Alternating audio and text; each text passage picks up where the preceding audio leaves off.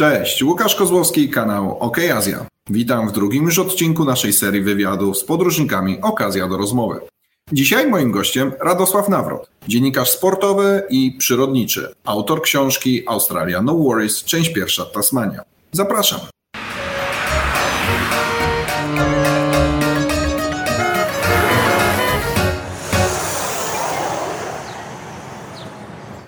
Dzień dobry, witam. Okazja do rozmowy, drugi odcinek. E, moim gościem Radosław Nawrot, dziennikarz sportowy i przyrodniczy. Dzisiaj na tej części przyrodniczej się skupimy i podróżniczej. Autor książki Australia No Worries, część pierwsza Tasmania. Dzień dobry, bardzo mi miło, kłaniam się. Panie Radosławie, e, moje pierwsze pytanie. Najnowsza książka o Australii. Um, sporo podróży na swoim blogu. Skąd, skąd to się wszystko zaczęło? Jak to się wszystko zaczęło, że taka pasja do podróży? Bo dodam, że jest pan zwycięzcą wielkiej gry, w, również w kategorii związanej ze przyrodą. Tak, fauna wysp ta kategoria się nazywała. Rzeczywiście raz się, raz się udało. W sumie można to jakoś po, połączyć, bo ja myślę, że właśnie zwierzęta są tym jednym z takich poważnych argumentów, który mnie ciągnie do świata. Ja jako dziecko oglądałem zwierzęta w książkach, oglądałem je w zoo, ale to jednak nie wystarczało. Zawsze chciałem zobaczyć je w naturze. No i staram się za wszelką cenę, żeby te podróże miały związek ze zwierzętami. One są bardzo istotnym elementem. To jest taki element, na który bardzo wiele osób y, mało zwraca uwagę, a ja bardzo i staram się to eksponować. Ludzie jadą do Wietnamu różne rzeczy oglądać, prawda? Tam mhm. naprawdę jest to zwiedzać. A ja w dużej mierze wybrałem się między innymi na małpy. Bo małpy wietnamskie, zwłaszcza langury i lutungi, to jest coś absolutnie unikalnego. I zresztą odkrywamy wciąż nowe gatunki żyjące w Wietnamie czy w Laosie, i to jest, to jest dla mnie absolutny fenomen. Więc y, myślę, że y, punkt programu omijany przez bardzo wielu turystów w Wietnamie dla mnie był szczególnie, y, szczególnie ważny. A mogę dopytać, dlaczego takie szczególne, te dwa, te dwa gatunki, bo ile jako no. podróżnik e, pokazuje Wietnam, o tyle muszę się przyznać, e, że, że, że o tych małpach akurat nie słyszałem. No to polecam. Można zrobić osobny, osobny program na temat tych małp, zwłaszcza, że Wietnam ma kilkanaście e, gatunków małp należących do, do langurów. Mm, ze szczególnie efektownym, efektowną małpą, jednym z najbarwniejszych ssaków, jakie w ogóle żyją na Ziemi, którym jest duk wspaniały. Duk jest małpą e, o bardzo długim, wspaniałym e, ogonie. E, on ma barwy czerwone, niebieskie. No w ogóle jest, jest, jest wspaniały. Występuje w zasadzie tylko w Wietnamie i Laosie i w okolicy.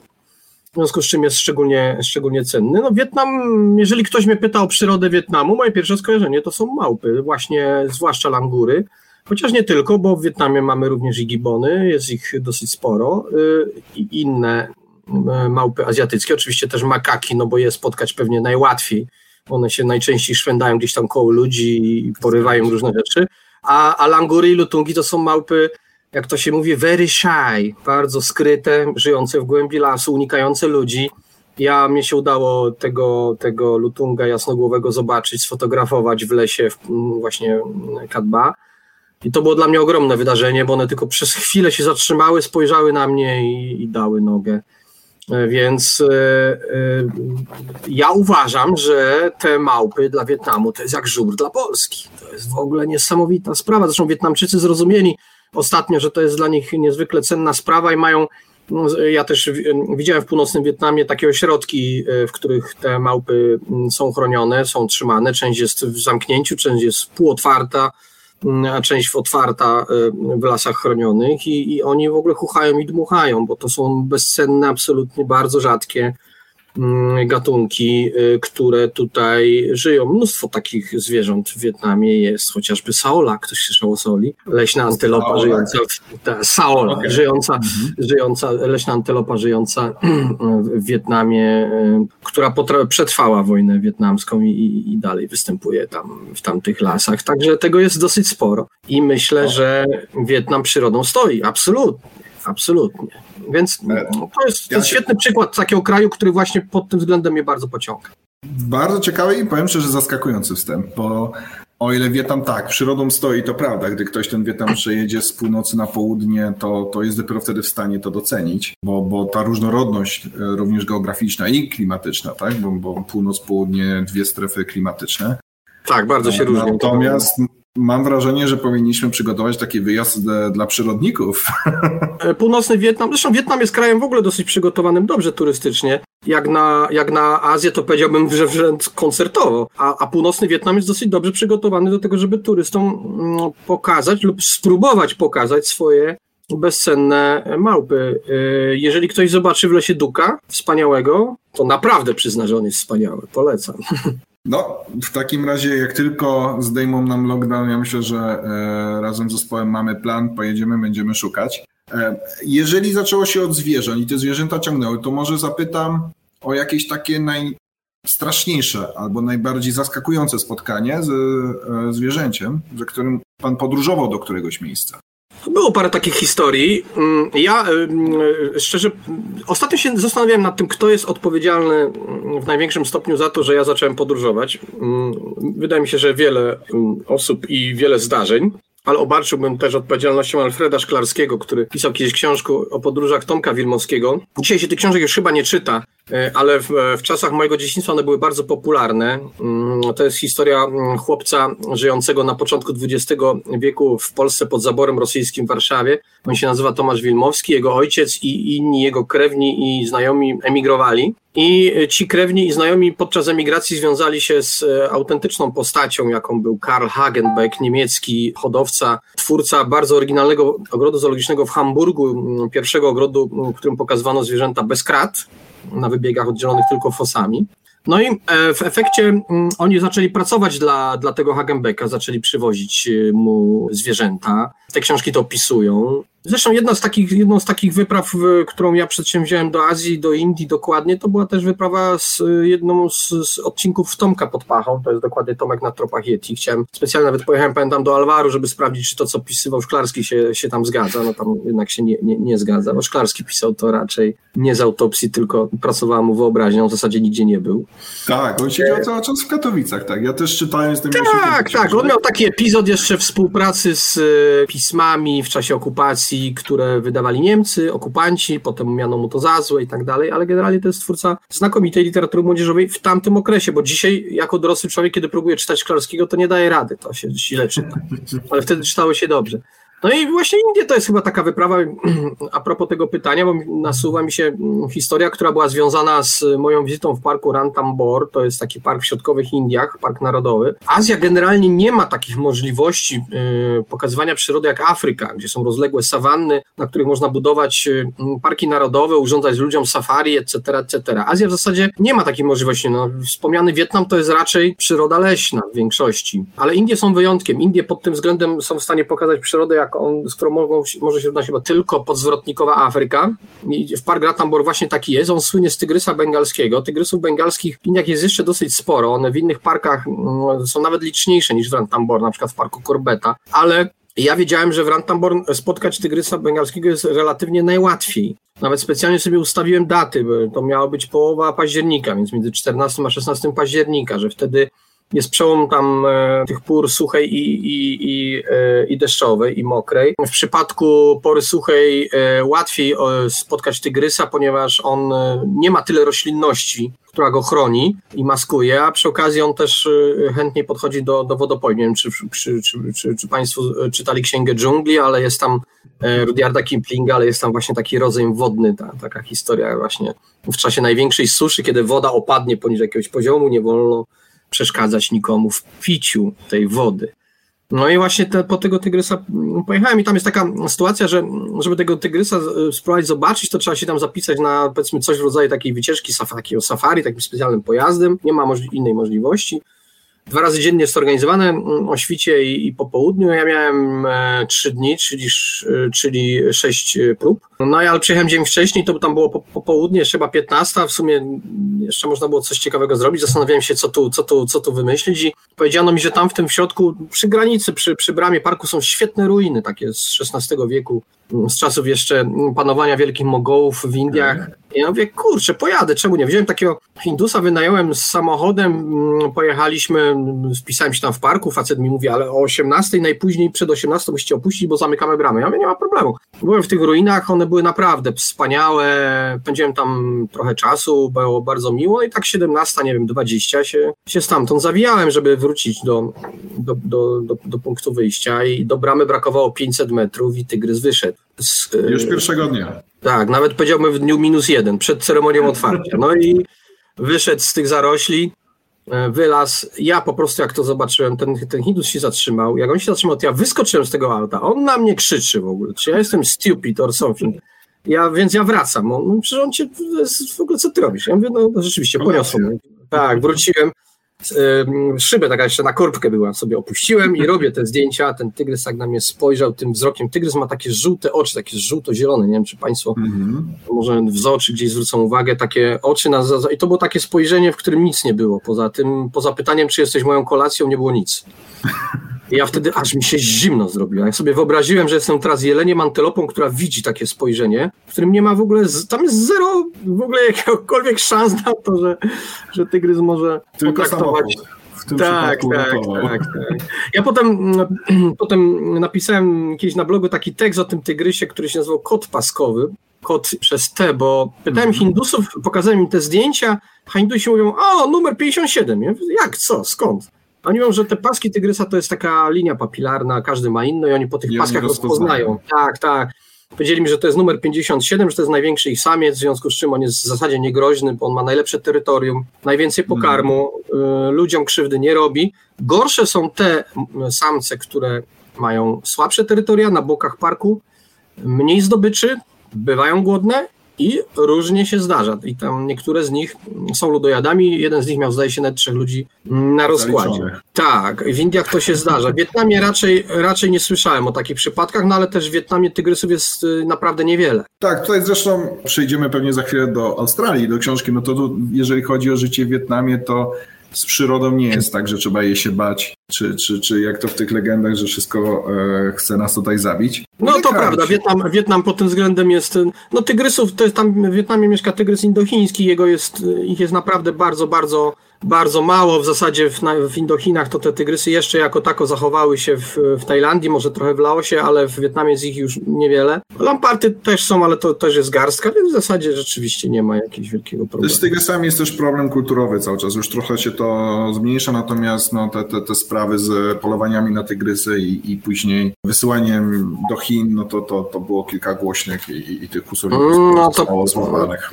To prawda, to prawda. No ja wiem, że tygrys jest obecny w kulturze wietnamskiej, no i że rzeczywiście Chińczycy chętnie, chętnie te części ciała tygrysów y, kupują. To jest to trochę absurd, bo to jest tak jak z rogami nosorożców, tak? No róg nosorożca chodzi o afrodyzjak, a on się niczym nie różni od paznokcia. To jest ten sam skład. Dokładnie, no ale tutaj... Obgryzając paznokcie, obgryzając paznokcie nie zwiększamy swojego libido, więc dlaczego miałby to robić róg nosorożca? Dokładnie. Ile krajów udało się odwiedzić? dotychczas?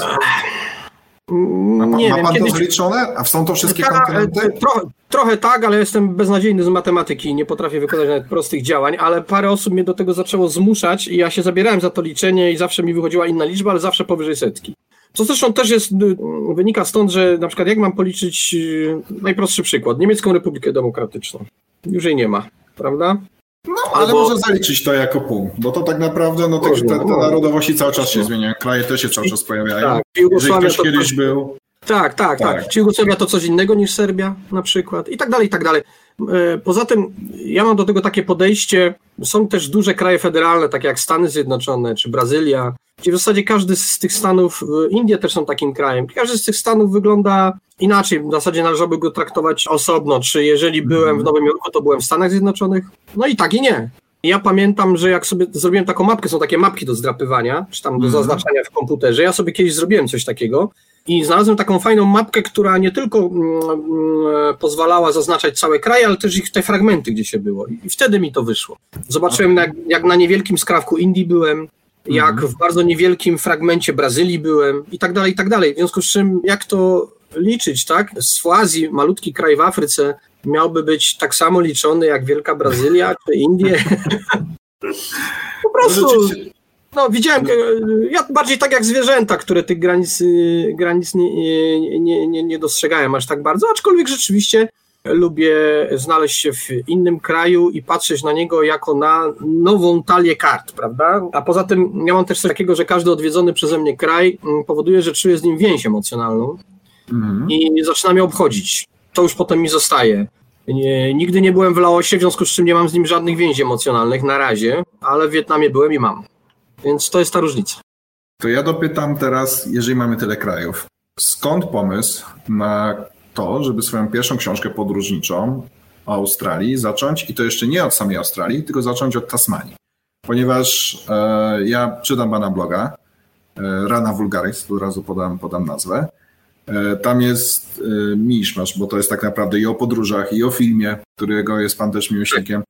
Teraz próbuję to e, uporządkować, zobaczymy, czy się uda. Przeczytałem tą książkę, dzięki temu, że jest jej e-book. Zresztą serdecznie ją polecam, bo, je, bo jest naprawdę fantastyczna. I skąd pomysł, żeby zacząć akurat od Tasmanii, skoro się już przejechało i tak sporą część świata? Magia, po prostu. Magic, można powiedzieć. Coś jest w Australii, mm, co mnie magnetycznie do niej przyciąga. To też była jedna z moich pierwszych dużych, dalekich podróży. To była właśnie do Australii, chociaż nie pierwsza, e, ale, ale ważna. Sporo się wtedy wydarzyło, sporo czasu tam spędziłem i myślę, że także Szklarski jest za to odpowiedzialny, bo pierwsza jego książka to jest Tomek w krainie Dokładnie. E, kangurów. kangurów. Tak, i ja też byłem w tej krainie kangurów, a Tasmania, ja od Tasmanii też zacząłem e, jakby tę podróż, chociaż pierwsze kroki w Australii postawiłem w Melbourne, ale, ale jednak Tasmania była na początku takiej eksploracji i ona wydała mi się czymś, co ja przynajmniej potrafię rozumowo ogarnąć w ogóle, przestrzennie w ogóle jakoś to jakoś to, to, to jest wyspa, no ona ma początek, ma koniec. Australia wydaje mi się jako taka nie ma kompletnie początku ani końca. Ja się zastanawiałem, jak napisać o tym i doszedłem do wniosku, że trzeba by to podzielić na jakieś części. Zaplanowałem sobie tę Australię w ogóle na cztery części, nie wiem czy one wszystkie powstaną. Na razie powstała pierwsza, może usiądę niebawem do drugiej, ale w zasadzie to równie dobrze mogłoby być 20 tych części i, i tak dalej. Zwłaszcza, że ja nie napisałem tego w formie przewodnika, ani jakichś reportaży, tak jak to, to jest w tej chwili, no, tylko taka trochę gawędziarska książka, e, w której pomyślałem sobie, że jednak tym przewodnikiem, który przeprowadzi nas przez tę krainę, będą zwierzęta. Tak, właśnie to chciałem powiedzieć, że książka tak naprawdę opowiada o Tasmanii, ale opowiada przez pryzmat zwierząt. Przez pryzmat zwierząt, bo one, one jednak e, po pierwsze wydaje mi się, że znają tę krainę najlepiej, znają ją od milionów lat i jeżeli ich posłuchamy e, i dosłownie w przenośni, posłuchamy ich głosów, ale również e, postaramy się zrozumieć, o co w ogóle im tutaj w tym chodzi, bo, bo świat przyrody to jest e, świat dla mnie o tyle interesujący, że tutaj wszystko ma sens. Po coś to jest. My żyjemy w świecie ludzi, który jest czasami całkowicie nieracjonalny i, i robimy rzeczy i i uczestniczymy w czymś, co nie ma żadnego racjonalnego uzasadnienia, co też ma swój urok, ale świat zwierząt jest niezwykle racjonalny. I zrozumienie go to jest w ogóle znakomita, znakomity sposób na zrozumienie kraju i kraj, krainy i, i tego miejsca, w którym się jest. Ludzie, którzy tam mieszkają, nie, nie są w stanie w pełni tego zrozumienia dostarczyć. A zwierzęta, chociaż się z nami nie komunikują, owszem, wystarczy się im przyjrzeć ten, to zwierzę, które takie jest główne, powiedziałbym, głównym bohaterem książki, to jest wilk tasmański. E, tak, tak, tak. Wiele osób z Tasmanią kojarzy diabła tasmańskiego, takie najsłynniejsze zwierzę, natomiast tam jest ten wilk.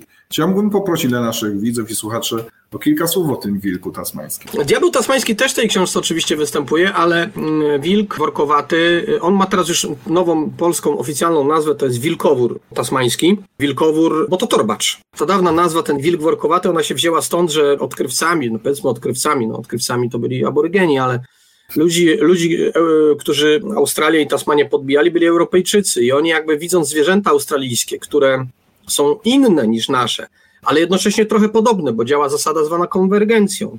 E, to jest zasada, która mówi, że jeżeli zwierzęta z różnych grup ustawimy na ileś milionów lat w podobnym środowisku, to one zaczną podobnie wyglądać. Dlatego wilkowór, który jest tarbaczem i w zasadzie bliższym krewnym kangura, czy też koali, czy, czy najbardziej to niełazów, jest do nich kompletnie niepodobny, a przypomina wyglądem naszego wilka, czy przypominał raczej wilka trochę podobnego do kuny. Tak, Stąd nazwano właśnie te zwierzęta w ten sposób. Wilk workowaty, kuna workowata, niedźwiedź workowaty, tam nie wiem, kred workowaty i tak dalej. I to przez te lata funkcjonowało. Teraz to odkręcamy, żeby, żeby nie mylić E, torbacza z naszym wilkiem. E, nazwaliśmy go wilkoworem tasmańskim. Nazwaliśmy go pośmiertnie. Tak. Bo zwierzę jest uznane za wymarłe. I to już oznane od lat 30., chociaż ja w tej książce dowodzę, że w zasadzie po pierwsze, jeżeli już nawet uznamy, że to zwierzę wymarło, to należałoby tę granicę przesunąć co najmniej do lat 60. A po drugie, Tasmańczycy nie uważają, że on wymarł. On się po prostu nie pokazuje. On się po prostu nie pokazuje. On jest. W takim najbardziej dosłownym, ale jednocześnie też metaforycznym znaczeniu jest w ich przekazach, legendach, mitach, opowieściach, w głowach, na etykietach piwa, na tablicach rejestracyjnych wszędzie.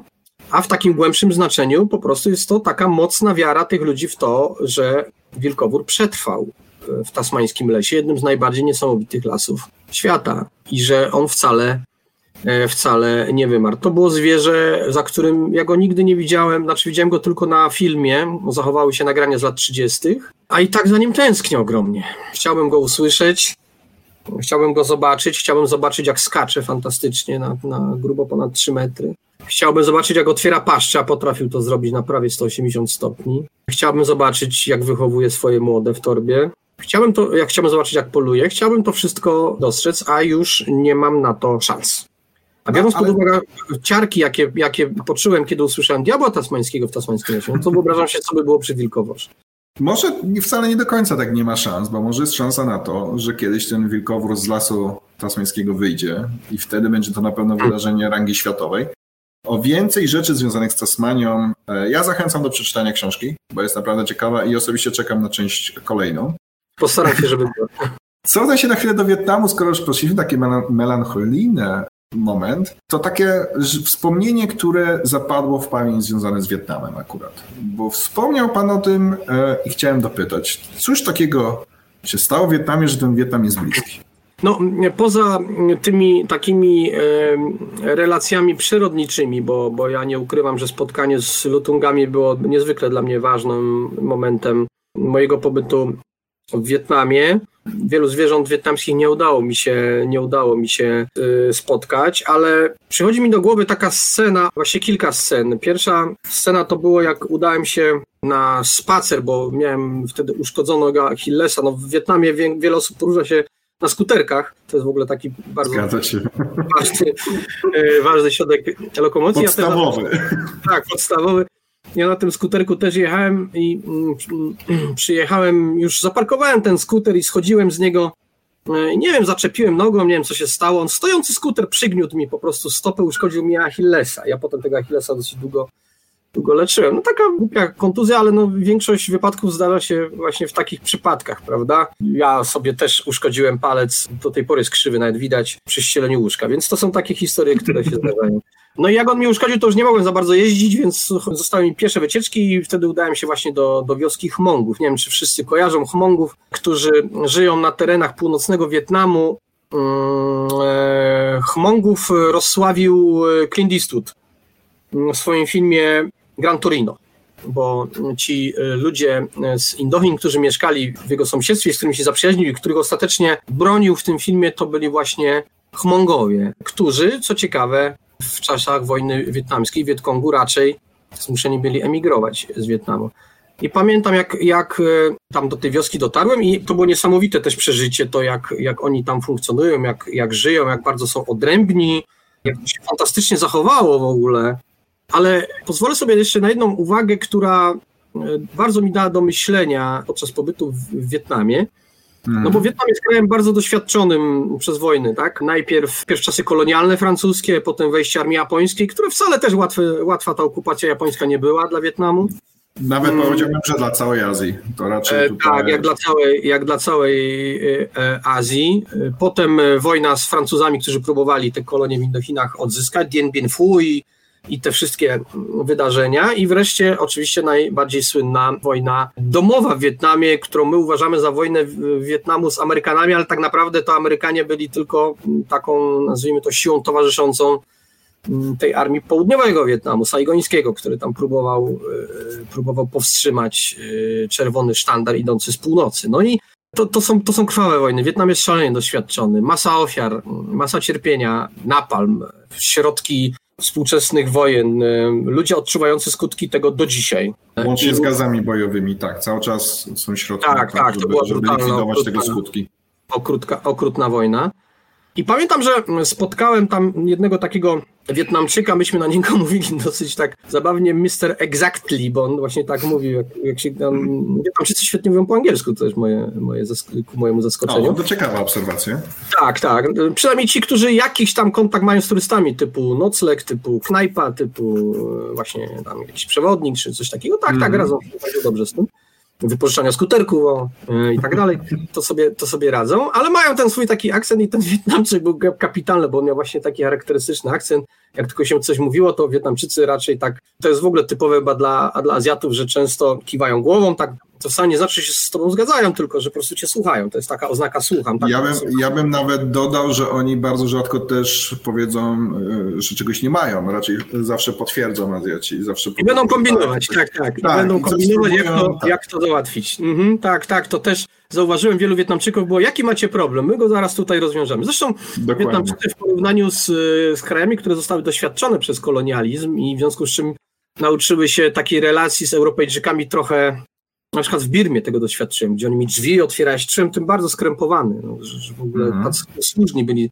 To Wietnamczycy są, trochę, są inni. Oni potrafią napyskować y, turyście czy, czy Europejczykowi, w ogóle mieć swoje zdanie i wyrazić je. W ogóle nie, nie, nie mają z tym jakichś tacy Takim są, takimi są ludźmi, przynajmniej ci, którzy spotkałem, którzy, którzy nie są wcale tacy ulegli, że koniecznie tutaj pan i władca ma rację, tylko że oni też mają swo, swoje opinie i nie mają się ich y, wypowiadać. I tu się zgodzę, co nie znaczy, że są e, nieprzyjemni, wręcz są Nie, nie, bardzo, to są bardzo, bardzo przyjaźni. Tak. To są bardzo mini ludzie i właśnie pan Exactly to był taki człowiek, który jak tam rozmawialiśmy, on kiwał głową i mówił exactly, exactly, exactly. Myśmy go dlatego tak nazywali. To był człowiek, e, który potrafił załatwić absolutnie wszystko. Od baterii do aparatu po, po samochód i no wszystko. Nie było właśnie Doskonale znał ten teren, potrafił nas zabrać e, w, na fantastyczne miejsca, zwłaszcza w północnej części Wietnamu, przy granicach z Chinami, gdzie są też kapitalne w ogóle e, przełęcze górskie. Tam są też takie fantastyczne, socjalistyczne pomniki, takie no, jakichś tam budowniczych Wietnamu i tak dalej.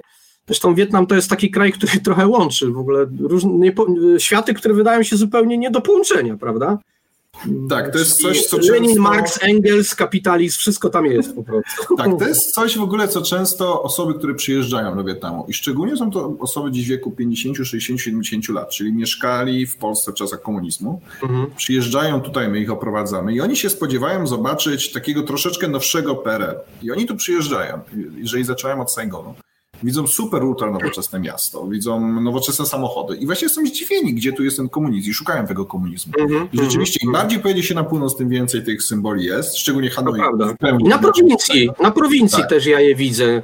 Mam takie zdjęcie, które zrobię, nazywam wietnamską drogą do socjalizmu. Po prostu jest, jest taki most i mnóstwo tych flag wietnamskich, sierp i młot na przykład, czyli symbolika w zasadzie zakazana w wielu krajach świata. Tutaj mm, przeciwnie, uważa no się, to jest że symbol, to jest... to jest symbol wietnamskiej partii komunistycznej. No dokładnie. I poza tym też wydaje mi się, że taki symbol, dzięki któremu Wietnamczycy uważają, że to ich tam przeprowadziło z, z epoki prawie feudalnej do, do czasów współczesnych. Tak, tak mi się wydaje. Zapytałem pana exactly przy tych pomnikach socjalizmu, e, jak to jest, e, bo Wśród tych turystów, których tutaj widzę, jest bardzo wielu Amerykanów, jest bardzo wielu Francuzów, ale też Amerykanów. Czy wy im tam nie, nie ciśniecie trochę, nie? że te bombardowania Hanoi, że te walki, że ta wojna i tak dalej? A on powiedział, nie, w ogóle to było, minęło. My to mamy za sobą. Po co mamy tym żyć dzisiaj? Co nam to dzisiaj e, da? Uderzyło mnie to, że oni potrafią tak abstrahować od swojej przeszłości, która jest tak bolesna, tak bolesna, tak trudna. Gdybyśmy to przełożyli na warunki polskie, myślę, że byśmy się taplali w tym latami latami. Ja się w pełni zgodzę, ponieważ też kiedyś zadałem e, komuś, kto walczył w wojnie, zresztą ten człowiek walczył w e, trzech wojnach, bo walczył najpierw po stronie Wietnamu Południowego, później Północnego, a na końcu jeszcze walczył z armią Pol Pota w Kambodży. I mm. on, on po prostu powiedział, że przecież my wygraliśmy. To czemu mamy być źli? Amerykanie przyjeżdżają, zostawiają pieniądze, jest okej. Okay. Tak, takie podejście bardzo, bardzo praktyczne. On, on zresztą powiedział właśnie coś takiego. Przecież ten Amerykanin mi nic nie złego nie zrobił, jest tu mile widziany. Ja, podobne jest, ja widzę podobne podejście w Kambodży, kiedy się ich pytał o reżim Pol Pota, który też przecież był 45 lat temu. I kiedy Kmerzy odpowiedzieli mi wprost, że, że co my jeszcze mamy robić? Jeszcze zostało nas tych 15-7 milionów. Mamy jeszcze się gonić po ulicach i, i, i dobić się tak naprawdę?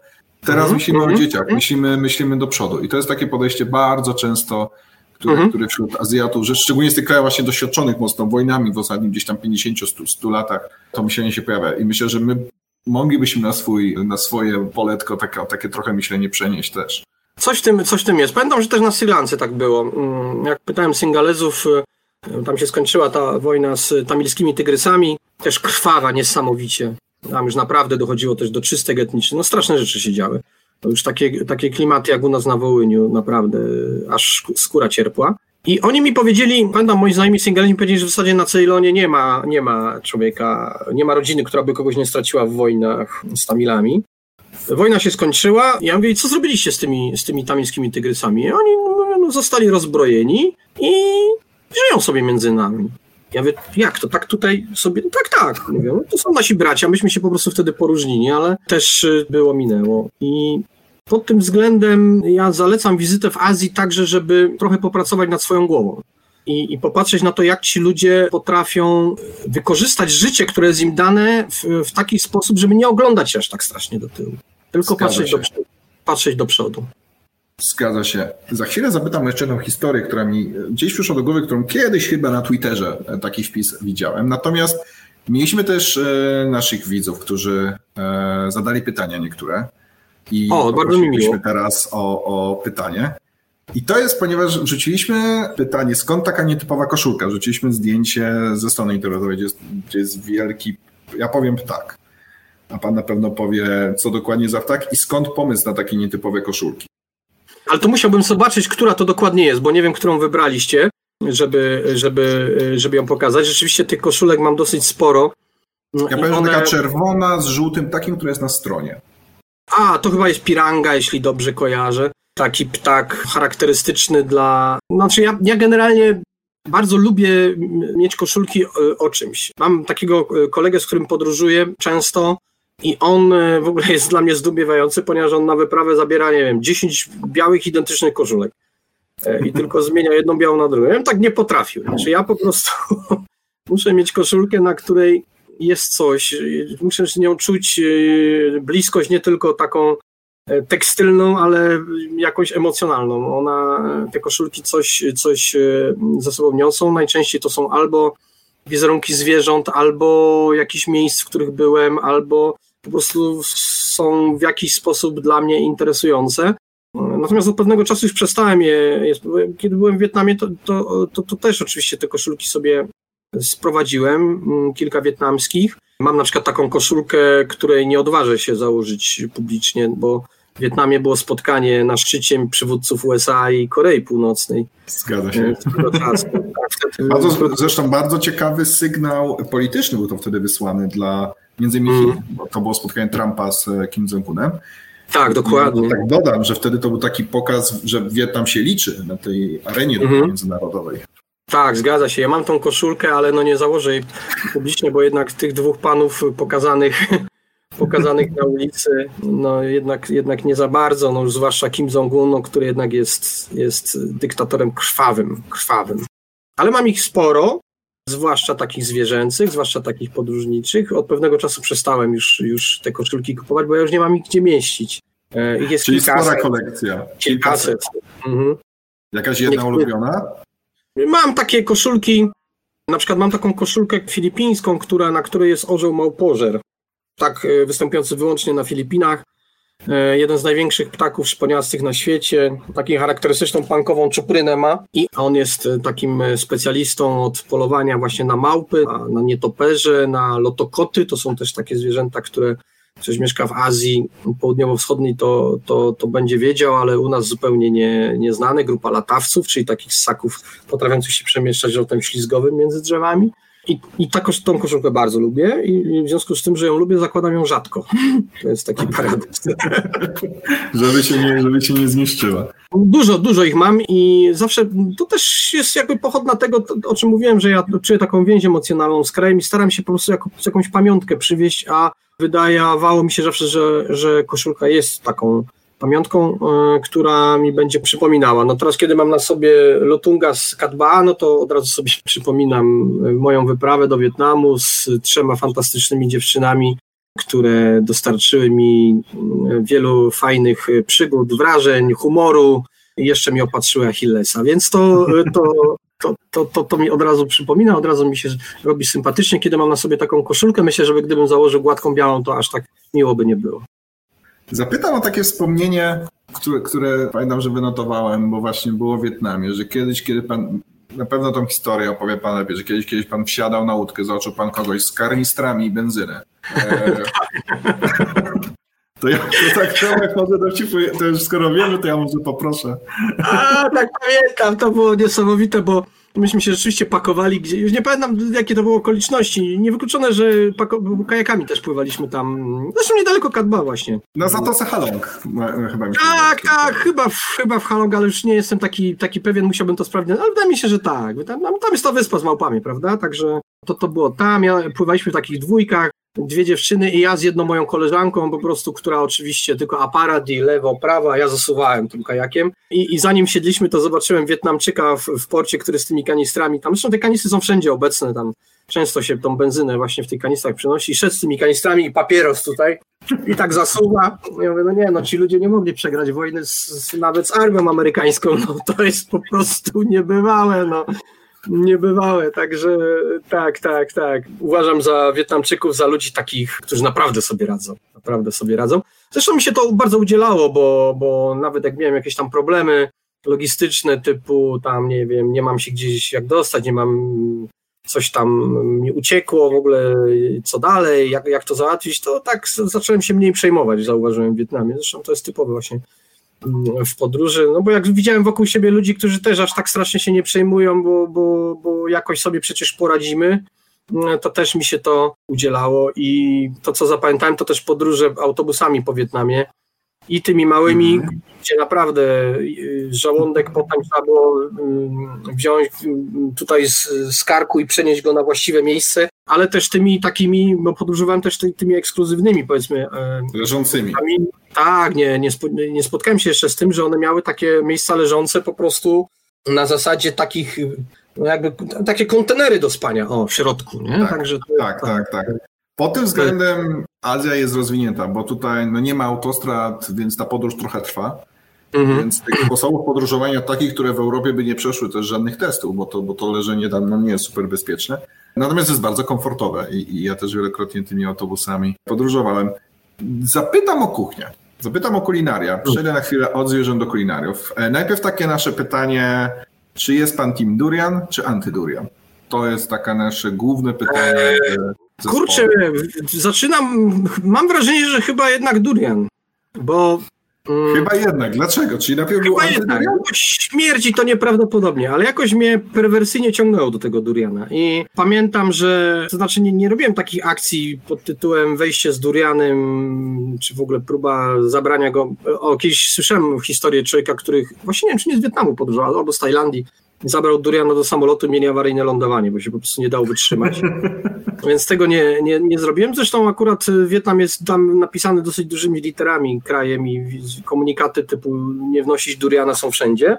Ale znaczy tak po hardkorze, żeby tak wziąć duriana i go wcinać, jak to robią właśnie małpy, które przypadają za tym owocem. Bardzo wiele małp przypada za tym owocem.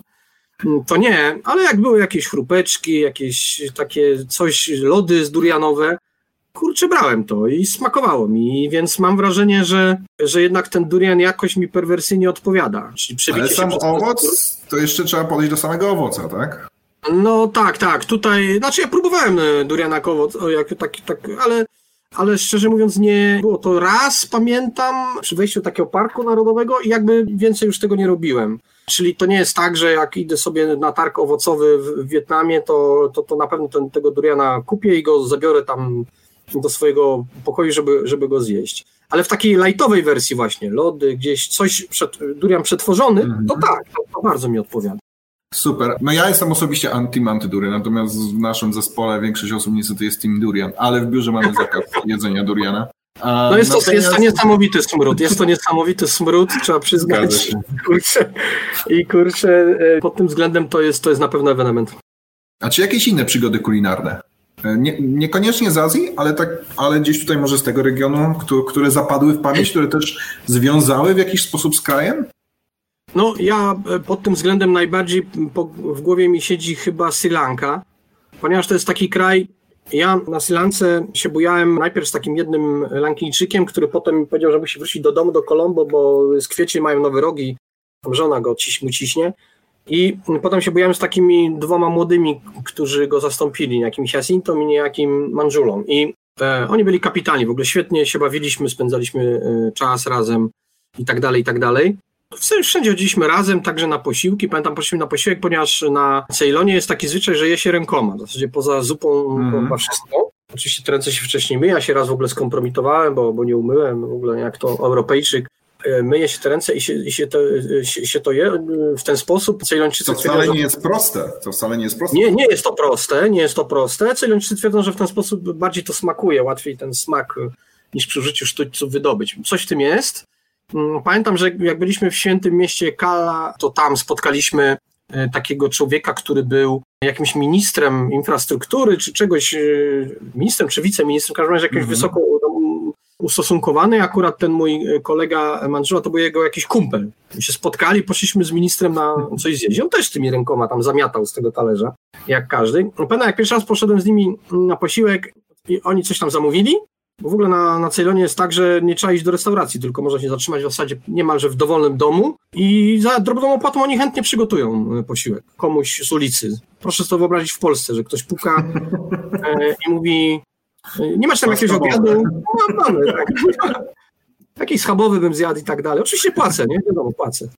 E, no to na, na, na Ceylonie to jest normalne. I usiedliśmy takiego posiłku, i oni coś tam zamówili, e, a co dla ciebie? Ja mówię, no to to samo. Nie, nie, nie, nie, nie, nie kolega.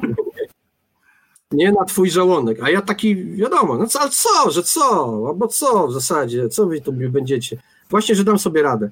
A oni, że po prostu, że believe me, naprawdę nie dasz rady. I no to, jak jedzą Ceylończycy, no to jest piekło, tak? Ja jadałem bardzo ostro w różnych krajach świata, od Węgier po Chiny, po Indie, na Wietnamie też jadłem ostro, ale takiego piekła, jak jest na Ceylonie, to, to w zasadzie nie, oni prawie wszystko jedzą tak ostro, więc trzeba mieć e, dobry żołądek i pod tym względem to jest na pewno takie, takie, takie, taki mocny, mocny Zresztą to w Azji w ogóle lubią ludzie jeść bardzo ostro. Ja pamiętam w Indonezji, która chyba jest najbardziej mm, z tego słynie, bo Indonezja nie jest jakimś bardzo bogatym krajem, E, to też zależy od wyspy, ale no powiedzmy, że mhm. bardzo wiele osób żywi się e, na ulicy, po prostu kupując od tych e, ludzi, którzy tam mają wszystko, od słodkości po, po smażone wszystko. Zgadza się. I tam za drobną opłatą można to zjeść. Zresztą to jest typowe, typowe w całej Azji Południowo-Wschodniej. Ulice Bangkoku też z tego są, tylko ja też jak rozmawiam z tajami, to nie mówią, że oni tych pająków, skorpionów to oni nie jedzą na co dzień, to jest tylko tak, dla turystów jest... oczywiście, to tak, bez przesady. No. tak, y, mają lepsze. Tak, więc... To jest, to jest no, w ogóle taki mini. sobie jedzą, ale oni tego, oni, oni tego, oni tego tak, e, nie jedzą. No może jak coś ludzie, którzy mieszkają jeszcze, jeszcze w lesie, w tych wioskach leśnych, to, to, to rzeczywiście może sobie pająka ptasznika czy, czy innego przyrządzą, ale, ale tak, to, to, to oczywiście nie jest taki tak? integralna część kuchni azjatyckiej. Racja. To jest w ogóle taki mit, że kiedy ktoś tutaj przyjeżdża, myśli, że, że nie wiem, będzie miał gdzieś tam podanego tego legalnego psa, a tak naprawdę psie mięso jest dosyć drogie i bardzo rzadkie. Natomiast. Na, no i głównie kojarzy mi się z Koreą jednak. Z Koreą mi się kojarzy. Zresztą tam są też jest w Chinach. Mhm, Natomiast tak, tak, przede tak, wszystkim się podaje drób i prędzej dostanie się kurczaka, którego się, za którego się zapłaci, jak za psa, niż, niż odwrotnie. Natomiast z kulinariami mamy jeszcze drugie pytanie od naszych e, widzów. Czy jest jakaś potrawa, której nie odważył się pan spróbować? O, oczywiście, że tak. Oczywiście, że tak. To nie, ja nie jestem typem człowieka, który po prostu wszystkiego musi spróbować, wszystkiego dotknąć i, i, e, i tak dalej. No ja nie jadam ryb. W ogóle. Okay. Nie, jestem, nie jestem w stanie. Pamiętam moją panikę, bo jednym z pierwszych krajów, które odwiedzałem poza Europą była Japonia. Byłem przerażony. No, co ja tam zjem? Przecież tam na pewno są same ryby. A gdzie tam? Nie, nie wiem, mam wrażenie, że najlepszą wołowinę na świecie jadę w Japonii właśnie. No I tak dalej. No nie jadam tych ryb i nie poradzę sobie z tym, więc nie będę ich próbował. I, i Czy pod to ja... też podchodzą owoce może? Nie, właśnie nie, właśnie nie, właśnie nie. Okay. Właśnie, właśnie nie i skorupiaczki i, i, inne zjadam. No, obejrzałem Oscarowy film, czego nauczyła mnie ośmiornica i teraz nie wiem, jak będzie z ośmiornicami dalej, bo każdy, kto obejrzał ten film, który polecam, bo to jest, to jest taki film, to jest, to jest e, aktualny, aktualny laureat Oscara za najlepszy film dokumentalny. Czego nauczyła nas ośmiornica, tak? Powtórzmy tak, tak, o relacji człowieka, nurka z ośmiornicą u brzegów RPA. Film, który nie jest takim słodką opowiastką o fajnej przyjaźni człowieka ze zwierzęciem, ani o oswajaniu zwierzęcia typu Mały Książę, tylko to jest naprawdę głęboka przypowieść o naszej relacji z przyrodą i o naszym y, braku zrozumienia dla przyrody, które często przejawia się w nadmiernej empatii. Ja wiem, że to brzmi e, dziwnie, ale tak jest, bo zwierzęta budzą w nas tego typu emocje. My chcemy je przytulić, ochronić, mhm. ratować, y, nie wiem, pogłaskać, zrobić takie rzeczy. Zwierzęta nie wymagają naszego ratunku, one wymagają stworzenia im warunków, żeby radzić sobie same. Śmierć jest naturalną koleją w przyrodzie. Ten film też o tym opowiada. Zaakceptuj śmierć, człowiek. Jeżeli chcesz być częścią natury, to musisz ją zaakceptować. Świetny film o, o godzeniu się z, z tym, co, co nieuchronne w ogóle. Na pandemię idealny, naprawdę polecam. No ale mówi się, że po obejrzeniu tego filmu ludzie mają problem z jedzeniem ośmiornicy. Ja jeszcze przyznam, nie, nie, nie próbowałem, bo obejrzałem ten film dopiero wiosną, no a teraz nie za bardzo są możliwości, żeby gdzieś pojechać więc no nie wiem, jak to będzie. Ale nie, owoce morza bardzo lubię. One są takim pierwotnym posiłkiem mm, ludzkim, bo wiele ludów mieszkających nad morzem właśnie dzięki nim się utrzymywało przy życiu i, i, i, bardzo sobie to. Ale ja nie jestem też typem człowieka, który jedzie e, do jakiegoś kraju i koniecznie, bo to jest taka fajna egzotyka, czyli jakby nie traktuje pewnych rzeczy jako pamiątkarstwa, zjedzenia czegoś, Rozumiem. koniecznie zobaczenia czegoś, doświadczenia czegoś, koniecznie jako jako pamiątkarstwa. Nie jestem, nie jestem takim zawziętym pamiątkarzem. Rozumiem. E, z tych filmów ja z pewnością spojrzę, natomiast ostatnio ja obejrzałem dokument Seaspiracy e, na Netflixie i tam też rzeczywiście zaczyna się ten film zupełnie od małych polowań na, na Wyspach Owczych, natomiast wnioski, do których wychodzi się na końcu tego dokumentu są zupełnie no tak. E, odtwarzające się człowiek zaczyna zastanawiać, czy rzeczywiście nawet ryby powinien mieć, gdzie mówi się, że, że te ryby to, to i najzdrowszy posiłek. Wspomnieliśmy o pandemii i tutaj chciałem pana zapytać o pana pogląd, bo przyroda sporo na całym świecie odżyła dzięki tej pandemii. Dzięki temu, że przestaliśmy podróżować, dzięki temu, że w pewnych miejscach przestaliśmy jeździć. Czy sądzi pan, że kiedy już zaszczepimy się, kiedy już troszeczkę ta turystyka zacznie wracać, czy będziemy na tyle świadomi, żeby pewne te trendy, które się poprawiły, utrzymać? Czy może oczywiście doceniliśmy pewne rzeczy, które wcześniej robiliśmy. Bo to tak naprawdę na całym świecie jest do zaobserwowania. Tego nie wiem, ale nie zatrzymamy pędu ludzi do i chęci obejrzenia e, świata, więc to jest naturalne, zwłaszcza, że ten świat jest mniejszy w tym sensie, że łatwiej dotrzeć e, w niektóre miejsca. Dla moich rodziców e, wyjazd do Wietnamu był czymś całkowicie poza zasięgiem ich wyobraźni. Mhm. Dla mnie nie jest to aż takie trudne, a dla następnego pokolenia będzie, myślę, może nawet i banalne, kto wie, że w sensie takim, że zorganizowanie takiej wyprawy będzie niczym specjalnym. Nie wiem, może to w tą stronę pójdzie. Więc jakby ludzie będą jeździli i przemieszczali się, powodowali oczywiście tym samym pewne zmiany i w, w, miejscach, do których docierają, i w swoich miejscach, do których przywożą doświadczenia, ale też czasami potrafią mi przywlec coś, zwierzę, roślinę i tak dalej. Ja nie dalej niż dwa dni temu pisałem tekst o o kleszczach azjatyckich i afrykańskich, które się już pojawiły, pojawiły w Europie, więc to się dzieje. Więc edukacja, edukacja jest w ogóle podstawą wszystkiego. Edukacja także związana z tym, jak się zachować, jak traktować y, kraje, do których się jedzie, przyrodę i ludzi, których się tam spotyka. To wydaje mi się, że w pierwszej kolejności powinniśmy się wyrzec z protekcjonalizmu, związanego, yy, związanego z tym, że my przyjeżdżamy z, ze świata lepszego do, do jakiegoś gorszego, bo tak nie jest.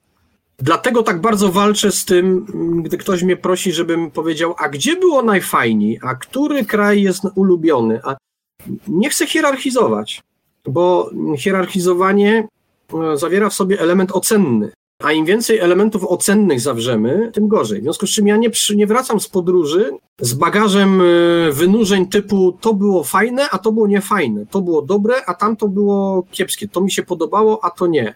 Staram się tego nie robić. To, to jakby zestawianie różnych światów, które są, są niezestawialne, moim zdaniem do niczego ciekawego nie prowadzi. Dla mnie podróżowanie jest właśnie resetem głowy polegającym na tym, że jestem tam, a nie tu. I, i w związku z tym nie, nie patrzę na to, a u nas jest inaczej. No i co z tego, że jest inaczej?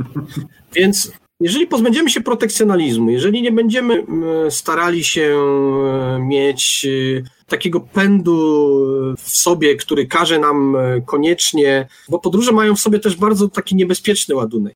Ja mhm. widzę to zagrożenie zwłaszcza w, w chęci pokazania, że się jest lepszym, że się gdzieś było. Jeżeli umieszczamy zdjęcia na social mediach, na social mediach to, to, to łatwo do tego doprowadzić. E, wzbudzanie zazdrości u, u innych, a żeby ich szlak trafił, jak to zobaczą. Co nie, nie tędy droga. Nie tędy droga. E, nie, nie chciałbym, żebyśmy doprowadzili do konkurowania ze sobą w kwestii podróżowania. Mhm. Kto gdzie był, e, co przywiózł, etc. Ja myślę, że to jest bardzo dobra myśl. Z jednej strony takie świadome podróżowanie i zupełnie inne spojrzenie na to, że do innego kraju jedziemy go odkrywać, ale nie poczuć się lepsi ale też z drugiej strony nie konkurować w tym, kto gdzie podróżuje, bo rzeczywiście podróżowanie jest coraz łatwiejsze. Może w ciągu najbliższych kilkudziesięciu lat będziemy już podróżować poza naszą planetę. Przecież to jest cały czas we w planach, już się powoli dzieje, ale jest w planach. A przy tym wszystkim zapominamy, że tak naprawdę będąc gdzieś jest bardzo dużo do odkrycia. I ja będąc 6 lat w Azji, co róż odkrywam, nawet w Saigonie, nowe elementy, nowe miejsca i, i wiem, że że, że te kraje mają jeszcze wiele do pokazania przede mną. Ale przede wszystkim wszystko odkrywamy samemu. No. To, że ktoś gdzieś był i zamieścił zdjęcie, to o niczym nie świadczy, bo doświadczenia ma się własne i jakby mm. dopiero wtedy, dopiero wtedy jesteśmy w stanie tego dotknąć i, i, i, i doświadczyć. Ja miałem bardzo duży problem z tym, czy pokazywać, czy opisywać, bo to jest chwalenie się. No ale stwierdziłem, że, że jeżeli to zrobić y, na tyle umiejętnie, na ile potrafię, tak żeby ludzie nie, nie, nie przełykali silnej zazdrości, ale uczestniczyli ze mną w tej podróży. Ja bardzo lubię, kiedy mm -hmm. ludzie dlatego się z tym dzielę, mm, to to będzie ok.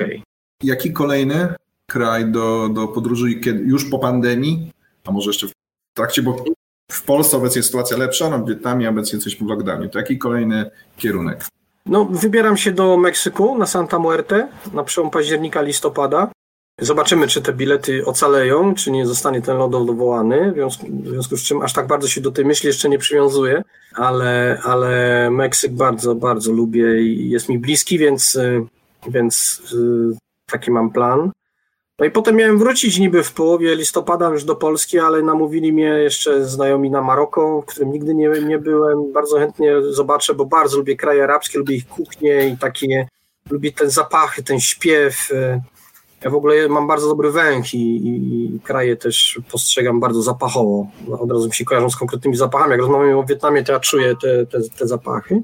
Jakie? Od razu dopytam. Jakie zapachy jak Wietnam? Na przykład czuję, czuję zapachy, które mi się kojarzą ze, ze starym miastem Hanoi, w Hanoi. Hanoi jest tam nowoczesne, ale ma też taką tak. fantastyczną starówkę. stare miasto, jakbyśmy w Poznaniu powiedzieli. I... Jakbyśmy mieli opisać naszym słuchaczom, którzy może nigdy nie byli, a może którzy chcieli pojechać. Roślin, ziół, przypraw, mm, ta, mieszające, się z, mieszające się z tymi drzewami, które tam rosną, tak prawie aż zamykam oczy, żeby sobie to wszystko przypomnieć. I te potrawy, które biją z tych, z tych, z tych kuchni, z tych, z tych garów, które tam są.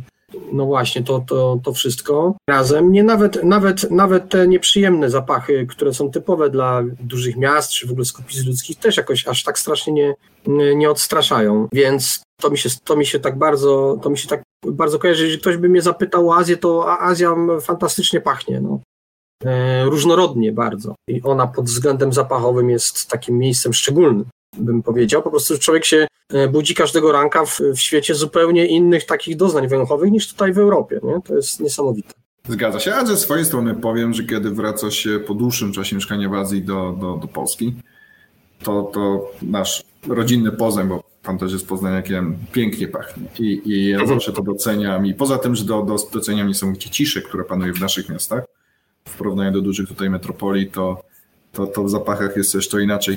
E, z tym rozmnożonym węchem, ja myślę, że z tymi, z tymi wyobrażeniami, e, jak może pachnąć Hanoi, zostawimy naszych słuchaczy i widzów. Ja panu bardzo dziękuję za tą fantastyczną opowieść o Azji, ale nie tylko, i, i o zwierzętach i niej występujących.